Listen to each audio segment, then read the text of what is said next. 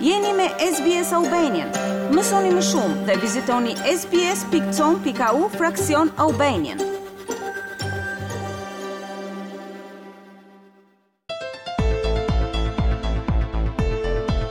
Njëzet e gjashtë janari është një ditë e vështirë për shumë indigjenë, pasi u kujton dhunën dhe shkatërrimin e kulturës së tyre.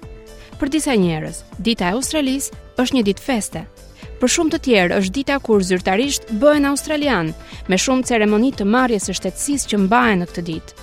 Por çdo vit, zërat për ta ndryshuar datën bëhen më të fortë. Raporti në vijim shqyrton pse është pozitive për australianët emigrantë të jenë aleatë me australianët indigjenë dhe pse kjo është kaq e rëndësishme në një ditë si 26 janari. Të ndjekim raportin.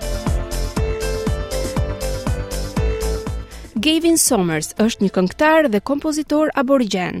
Ai thotë se është e rëndësishme që populli të jetë në aleancë me aborigjenët dhe veçanërisht australianët me prejardhje emigrante, të cilët arrijnë të kuptojnë më mirë historinë dhe përpjekjet e popullit aborigjen. I think it's important because we do have a real affiliation to other diverse uh, multicultural groups here in Australia. Um, Mendoj se është e rëndësishme, sepse ne kemi një lidhje të vërtetë me grupe të tjera të ndryshme multikulturore këtu në Australi. Ata na kuptojnë se nga vijmë dhe cilat janë përpjekjet tona, meqë ato u ngjajnë përpjekjeve dhe betejave të tyre. Aleanca me ta është një mbështetje e madhe për ne dhe për kauzat tona. Angelica Panopoulos, kryetarja e Këshillit Bashkiak të Merri-bek, sheh shumë aspekte të përbashkëta në historinë e popujve aborigjenë dhe të ishujve të ngushticës Torres dhe emigrantëve. I think that at its core it's about human rights and it's about empathy and it's about looking out for one another as people.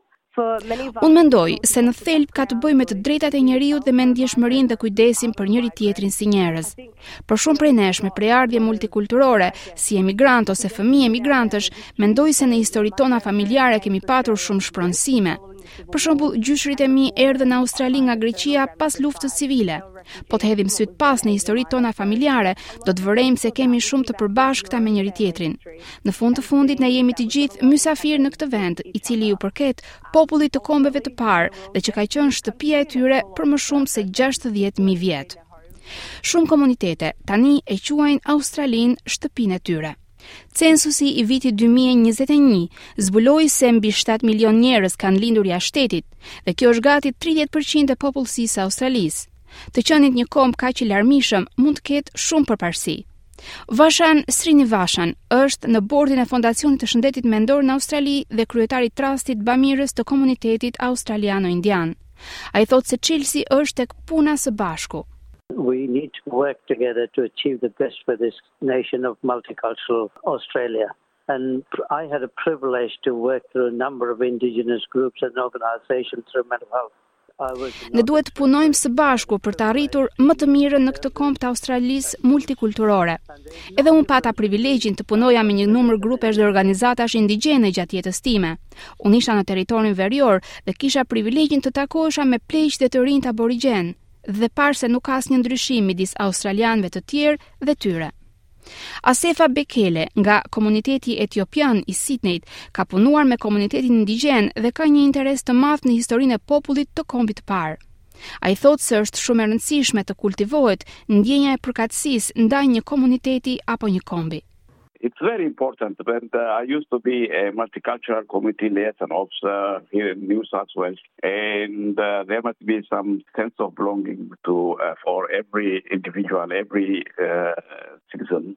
Është shumë e rëndësishme. Unë kam qenë oficer ndërlidhës i komunitetit multikulturor në New South Wales.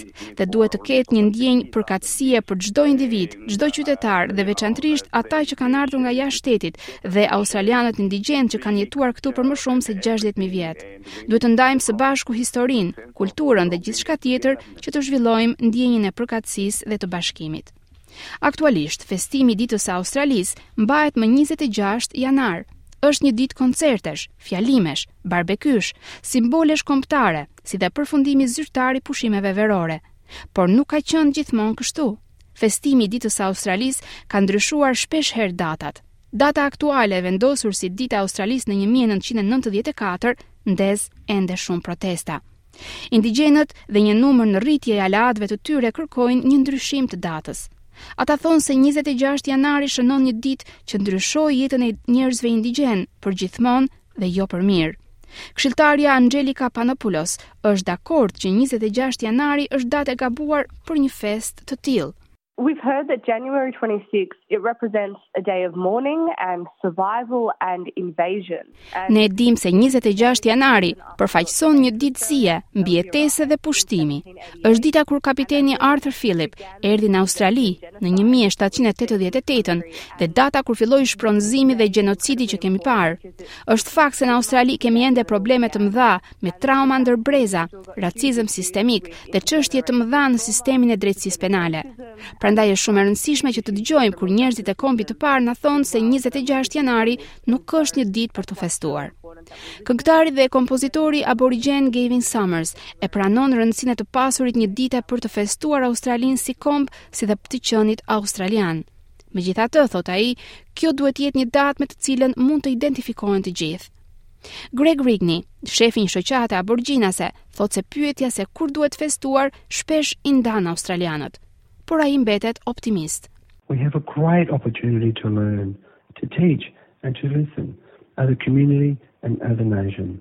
Duhet ta kapim mundësinë për të mësuar dhe për të dëgjuar njëri-tjetrin si komunitet dhe si komb, si pjesë e këtij komuniteti, Si pjesë e këtij kombi, besoj se do të mësojmë ta njohim, ta duam dhe ta respektojmë njëri-tjetrin në këtë vend që e quajmë Australi. Pavarësisht si keni zgjedhur ta festoni këtë ditë, ju lutem, mbani në mendje se si aborigjen dhe si australian, edhe unë gjithashtu dua ta festoj bukurinë dhe shkëlqimin e këtij vendi. Pyetja se në cilën ditë duhet ta festojmë këtë, shpesh na mashtron dhe na ndan, kur duhet të na bashkojë të gjithëve si popull dhe si vend. Edhe unë dua ta festoj ditën e Australisë, por jo më 26 janar, thotë ai. Pra, kush ta vendos ndryshimin e datës? Vasan Srinivasan, i cili ka punuar me shumë grupe indigjene, thotë se e sheh të ardhmen në gjeneratat që do të vijnë. Sipas tij, ata duhet të vendosin nëse do të ndryshojnë datën. My way of looking at it, uh, no, this is, there's quite a lot of debate going on in relation to 26 January. Pikëpamja ime mbi këtë datë është se brezi i ardhshëm duhet ta vendosë çfarëdo që duan të rinjtë mes gjashtëmbëdhjetë dhe tridhjetë vjeç, sepse janë ata që do të drejtojnë kombin në të ardhmen. Nëse ata mendojnë se duhet të ketë një ndryshim, unë jam i lumtur ta mbështes.